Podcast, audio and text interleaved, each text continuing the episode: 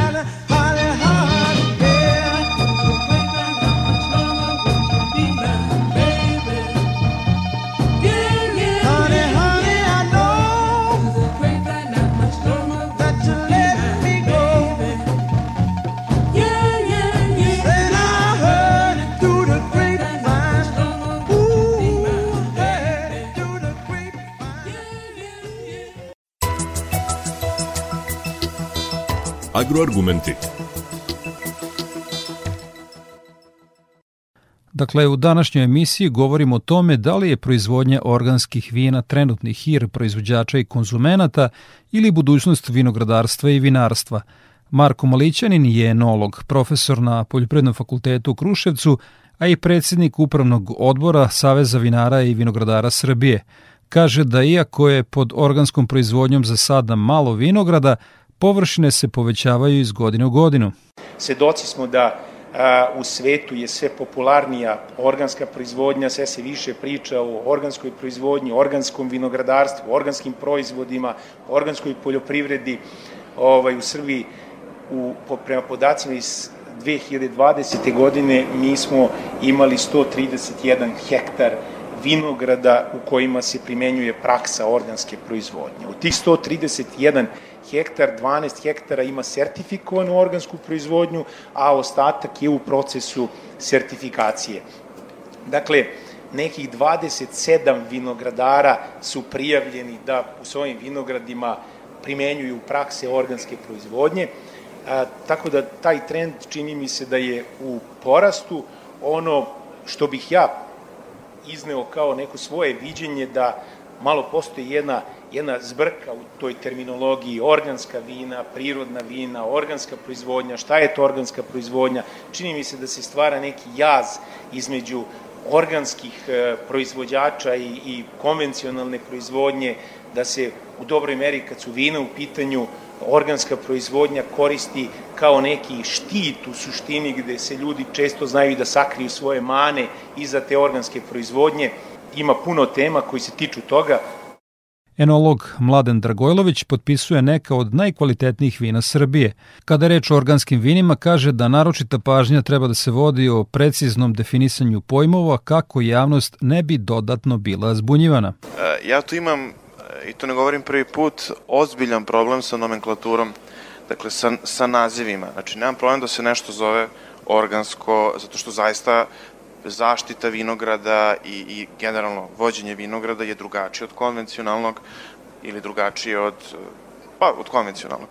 Ali ovaj e, kad, ne, kad neko kaže, ne znam, prirodno vino ili low intervention, šta god, to mi baš onako zapara zapara ovaj uši jer za mene e, razlika između konvencionalnog i organskog pristupa to nije, ne znam, zemlja i nebo pristup. Ne, znači samo malo, malo drugačije. Dakle, svakako vi u konvencionalnoj proizvodnji sve svašta je dozvoljeno. Dozvoljene su herbicidi i tako dalje, ali generalno ja e, tu da radim, e, iako ne radimo, na primjer, organsku proizvodnju, mi herbicide ne koristimo.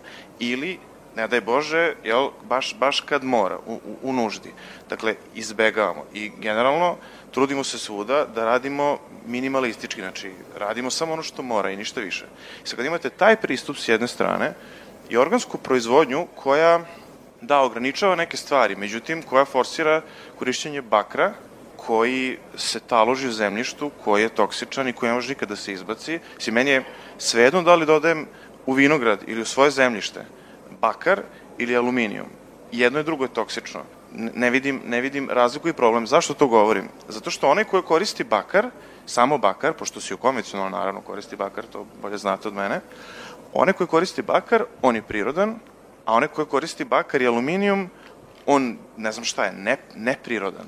Tako da, ovaj, um, tu, tu postoji problem u manipulaciji sa imenima i nazivima, takođe manipulaciju tome šta je bolje, šta je zdravije, a upitno je šta je zdravije. Ja podržavam, naravno, ja podržavam organsku proizvodnju, ali poštenu, ko, ko, kako bih rekao, koju ljudi koriste zato što zaista veruju da, da na taj način će svoju okolinu da, kako bih rekao, manje zagađuju. Isto tako, pomenje se biodinamička proizvodnja, pseudonauka, bla, bla, truć da sad ne, ne širimo temu previše, ali neko ko, čija su usta puna organske proizvodnje i priča o organskoj proizvodnji, a vozi automobil od 150.000 evra koji troši 20 litara ne znam, benzina i zagađuje, znači nikad nije na bicikl seo. On nije organski proizvođač, tačka. Marko Malićanin kaže da su naši eksperti analizirali ostatke pesticida u organskim i vinima proizvedenim na konvencionalan način, a potom uporedili rezultate. Evo zaključaka. Posećujem Dizeldorf, sajam u vina u, u Nemačkoj, Pro Wine, koji je jedan od najvećih svetskih e, sajmova vina. Zaista, broj organskih proizvođača i taj paviljon sa organskim vinima je svaki godine sve veći i veći. I ja iskoristim obavezno dan jedan ostavim da probam ta vina i mogu vam reći da, da zaista ima fenomenalnih vina. Zaista ima dobrih vina. I to je neka, neka ovaj paralela koju ja ne mogu da povučem između naše proizvodnje i te organske proizvodnje koje se radi u svetu. Čini mi se da se kod nas mnogo više ljudi kriju iza te organske proizvodnje da, da, nego što zaista primenjuju prakse organske proizvodnje na pravi način i kasnije u vinarstvu, jer sam taj pravilnik za organsku proizvodnju vina je tako fleksibilan, omogućava toliko, toliko korišćenje vrlo je malo ograničenje u odnosu na konvencionalnu Tako je, male su razlike. Da. Vrlo su male da. razlike, čak da. i u sumporu su male razlike. Da.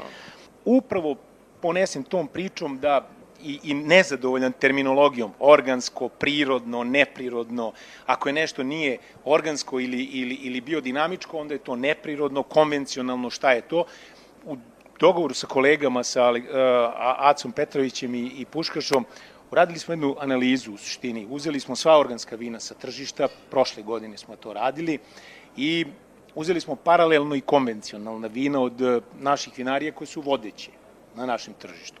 I uradili jedan, uh, jednu detaljnu analizu, ali zaista kompletnu analizu. Pored osnovnih tih fizičko-hemijskih parametara, radili smo i analizu na rezidue pesticida, radili smo analizu na metale, radili smo analizu na fitotoksine i moram vam reći da zaista ona vina koja su deklarisana kao organska nisu imala sumpora, zaista, nije bilo bakra u višku, potpuno su zadovoljavala pravilnik o kvalitetu. Što se tiče rezidua pesticida, nisu imali ni rezidue pesticida, što se i očekuje takvih vina, ali iste takve rezultate smo dobili za konvencionalna vina. Jedina razlika je bila u nešto višem sadržaju slobodnog sumpora, naravno i ukupnog sumpora, neznatno viša razlika, ali to, to je bila jedina razlika što se tiče fizičko, fizičko-hemijskih tih parametara. Inače, rezidua pesticida zaista nismo našli ni u vinima proizvedenim iz konvencionalne. Enolog Mladen Dragojlović kaže da organska proizvodnja ima benefit u očuvanju zemljišta, a da razlike u vinu iz konvencionalne i organske nisu tako velike. Verujem da organska proizvodnja možda može da promeni stvari u zemljištu, ali u samom proizvodu u vinu ne. Ne puno. Ako ti pratiš ka karence, poštuješ sve, Znači, sve uradiš kako treba. Nema nikakvih problema u samom voću. A još manje problema u vinu zašto? Zato što imaš fermentaciju. Sigurno kvasac usvaja nešto od toga. Taloži se, filtrira se. Skoro da nema razlike. Slavica Todić rukovodi katedrom za vinogradarstvo na Poljoprivrednom fakultetu u Beogradu.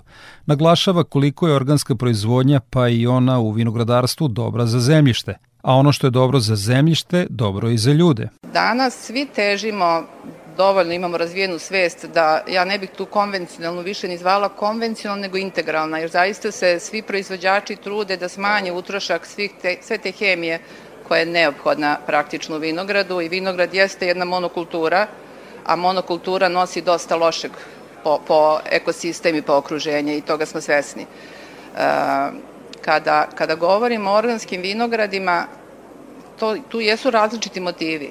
Pitanje je šta je motiv jednog malog farmera, malog vinogradara da postane mali organski e, vinograd ili vinar. Pretpostavimo da je to njegova želja da očuva spoljašnju sredinu, da ima razvijenu svest, da očuva ekosistem, diverzitet, raznovrsnost biljnog i životinskog sveta i da praktično taj svoj vinograd dovede u neki sklad i ravnotežu sa okolnim okruženjem.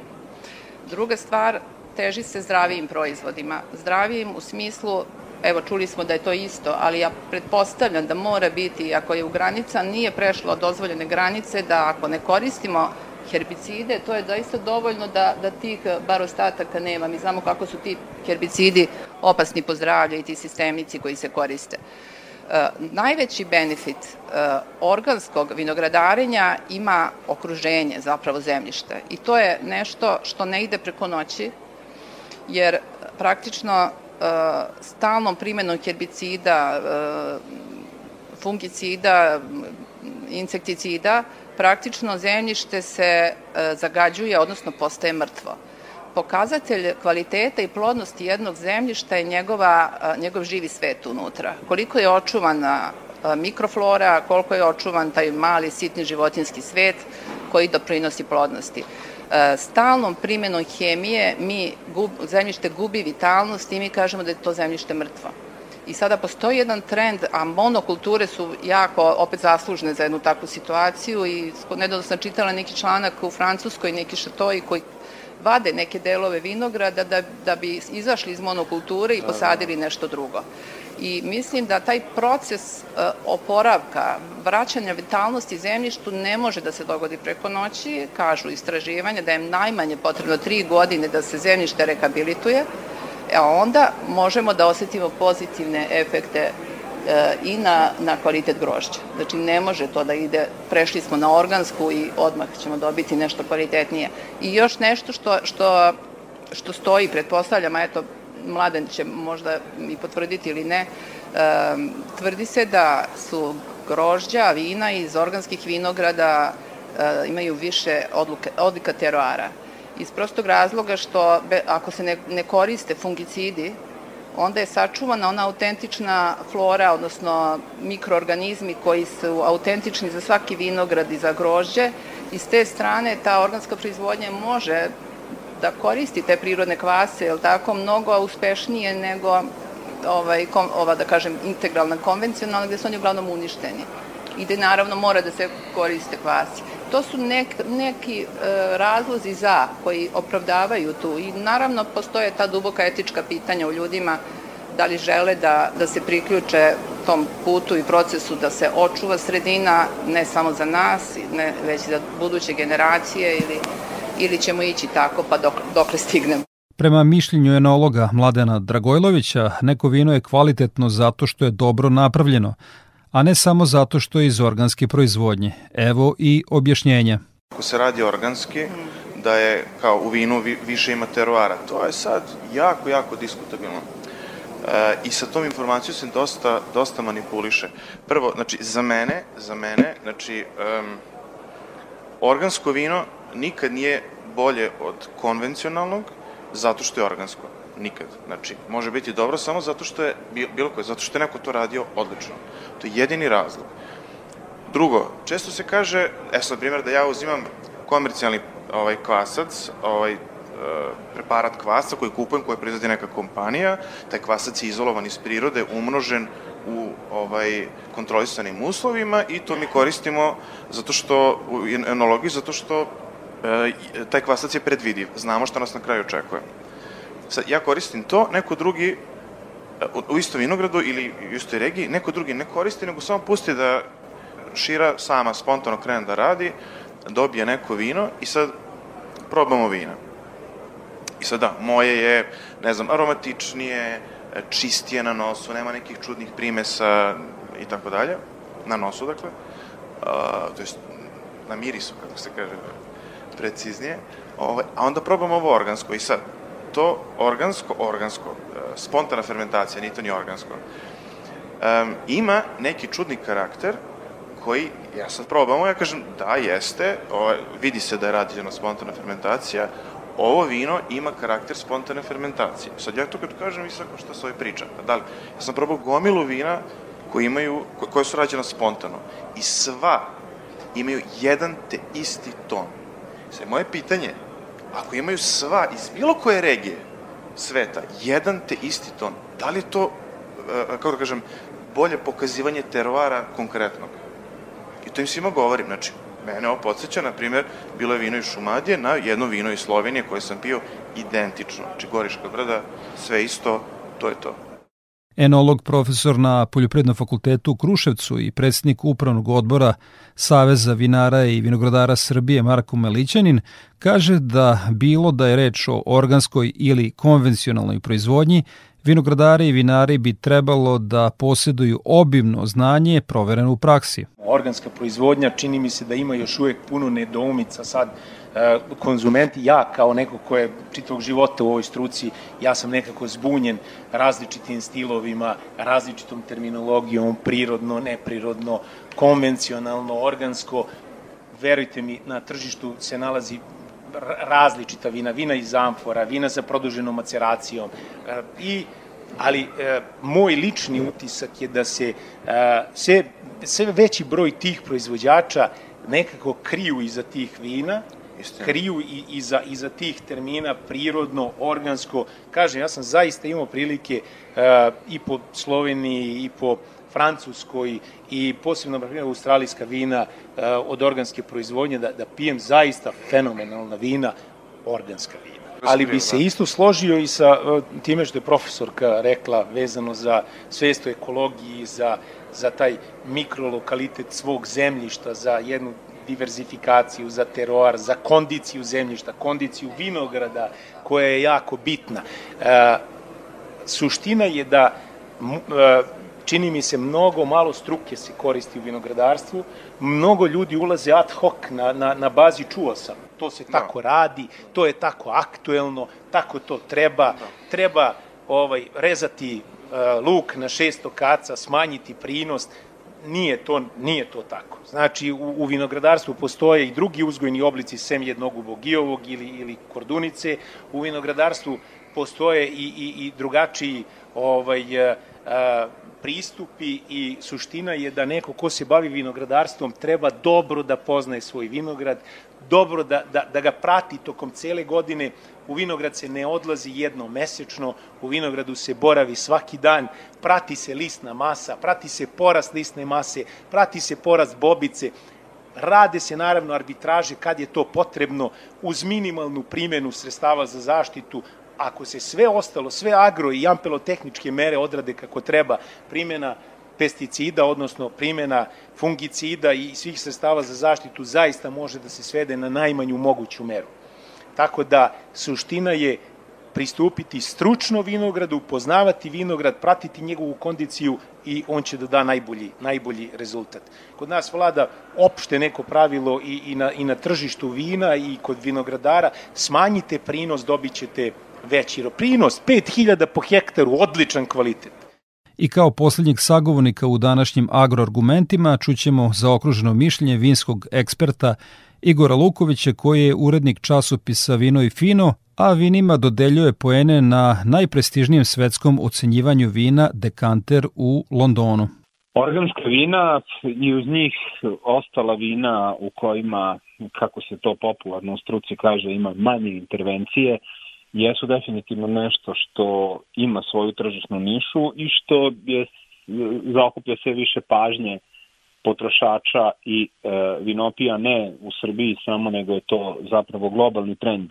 Međutim, tu te prakse treba jasno definisati. Kada pričamo o organskim vinima, organska vina, bar konkretno u Srbiji, pre svega moraju da budu proizvedena od organskog grožđa. Postoji nekoliko međunarodnih tela koja se bave tom sertifikacijom koja podrazumeva tačno određene propisane prakse u vinogradu. To ne znači da vi uopšte ne koristite enološka sredstva, da se ne bavite modernim vinogradarenjem, nego su ta enološka sredstva prilagođena tako da što manje utiču na prirodu, zagađuju zemljište i tako dalje. E sad, ovaj, kasnije u vinariji vinari sprovode opet uobičajene tehnološke prakse u najvećem broju slučajeva i dobijaju zdrava, vrlo često kvalitetna vina, koje opet zbog te oznake organskog porekla mogu, ne moraju nužno da ovaj postignu i veće cene na tržištu. Vrlo često postoje vinari koji sprovode organske prakse u svojim vinarijama, ali nisu organski sertifikovani, pa to na boci nigde ne piše,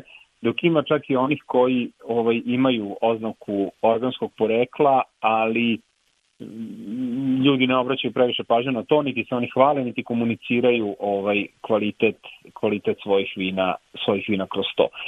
U svakom slučaju, bez obzira na to da li je to sertifikovana ili nesertifikovana organska praksa ili neka od novih praksi koja se sad na tom tržištu ovaj nudi, kad kažem na tržištu mislim u onom delu tržišta i odnosno u onom delu vinskog sektora i vinske industrije koja se okreće ka nazovimo to tako, održivoj proizvodnji, Ovaj postoji druge prakse koje nisu nužno uh, koje nisu nužno organske, ali su sertifikovane na neki drugi način. Tu je biodinamika, tu su neki ekoserti i i ovaj i, i slične i slične oznake. Sve to negde znači da se ljudi ovaj odnosno proizvođači i vinari više bave mišlju kako da zaštite svoje zemljište, kako da proizvedu uh, o, o, kako da naprave održivi vinograd, samo održive vinograde na kraju krajeva i zdravije grožđe koje je zdravije za ljudsku upotrebu. I u tom smislu niko normalan, niko ko je vinopija i ko zapravo razmišlja ono bilo čemu što unosi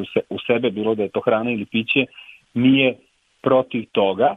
Međutim, ceo taj trend je globalno zapravo otvorio prostor za razne interpretacije i zapravo ponekad odveo stvari u krivom pravcu. A to je kada se kada proizvođači u, u svemu tome vide šansu da se dodvore uh, tim potrošačima koji koji preferiraju proizvode koji su proizvedeni sa manje intervencije ili na organski način i ovaj u, u to u, u, u ceo taj paket uh, stavljaju i neka vina koja su proizvedena na ne naročito dobro standardizovane ili na kraju krajeva definisane načine, pa se tu otvara prostor za svašta nešto što se danas naziva prirodnim vinom.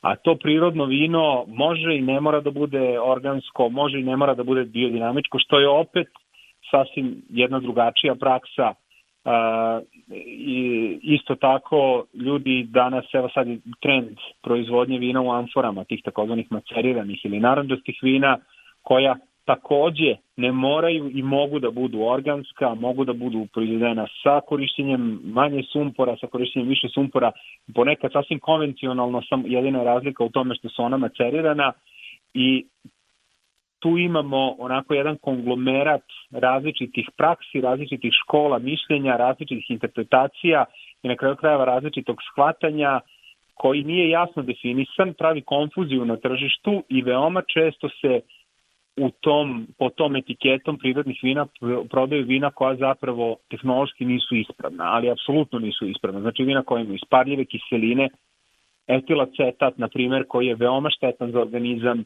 zatim, dakle, ne samo da nisu, da nisu zdravija, nego su zapravo daleko štetnija od konvencionalno proizvedenih vina. Zatim imate vina koja imaju ozbiljne mane, poput takozvane miševine, to je nešto za što smo se nadali da smo ostavili za sobom pre nekih 30-40 godina u vinima i da to više zapravo ne možete da sretnete, ali evo sad sa pojavom i poplavom ovaj vina različitih sumnjivih praksi mi ponovo imamo vina sa miševinom na tržištu i kada ovaj vi celu tu priču lepo upakujete, dobro iskomunicirate, znate da koristite mreže, da komunicirate sa mlađom uh, populacijom, onda dobijate potrošače koji ne kritički prihvataju takva vina, ne znaju zapravo da to što miriše drugačije je zapravo miris laka za nokte, trulog luka ili, ili mišijeg gnezda.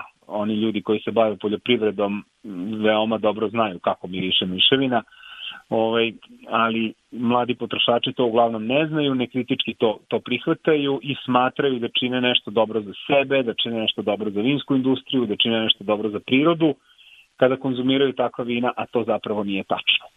Ako se vratimo sad opet isključivo na organsku proizvodnju, dakle organska proizvodnja je dobra stvar koja je sertifikovana i koja je standardizovana i tačno se zna šta ta praksa podrazumeva.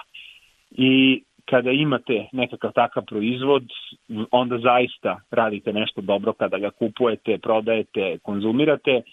Međutim, sve što je ne, ne, ne, ne, ne, ne sertifikovano, sve što ne prati određene propisane standarde i prakse, nego je na mutnom terenu koji podrazumeva i nekakvu pseudonauku i nekakve pseudoprakse i gde je jedino objašnjenje mi to radimo kao što je radio naš deda i mi ovaj slušamo prirodu i tako dalje, to vrlo često zapravo služi samo kao pokriće za proizvodnju loših vina koja su uh,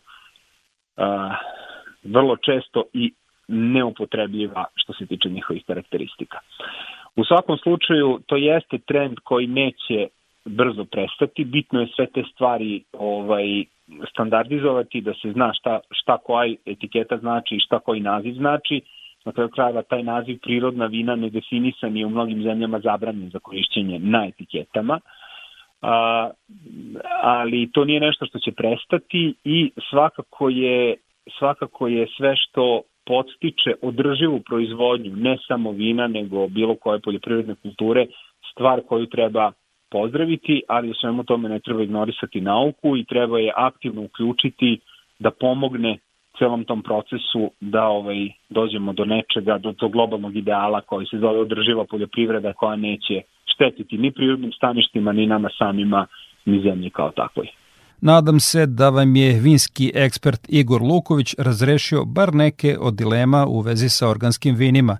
Toliko u današnjim agroargumentima. Za kraj slušamo Billy Joela i pesmu River of Dreams. Ja sam Đorđe Simović i pozivam vas da ostanete uz Radio Novi Sad.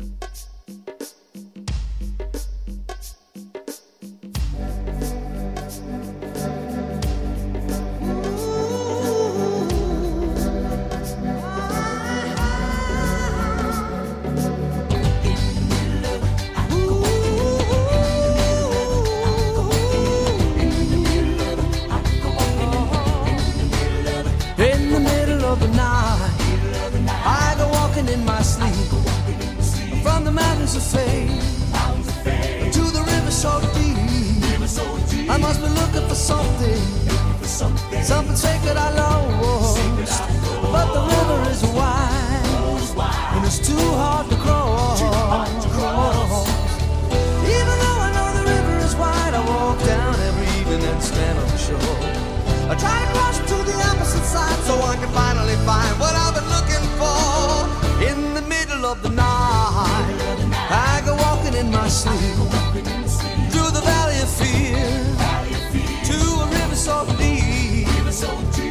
searching for something, searching for something. Taking, out of my soul, out of my soul. something I can never lose, something somebody stole. Something somebody stole. I don't know why I go walking at night, but now I'm tired and I don't want to walk anymore. Only must take the rest of my life until I find what it is I've been looking for.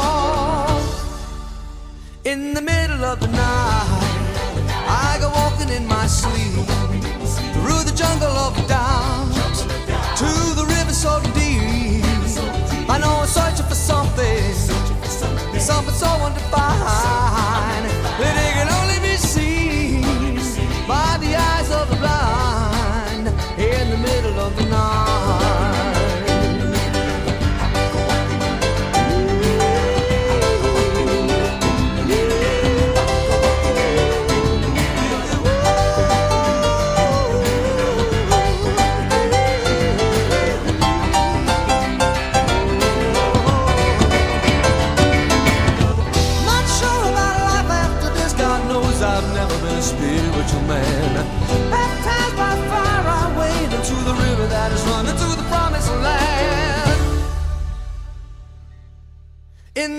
middle of the night. I go walking in my sleep through the desert of the truth to the river so.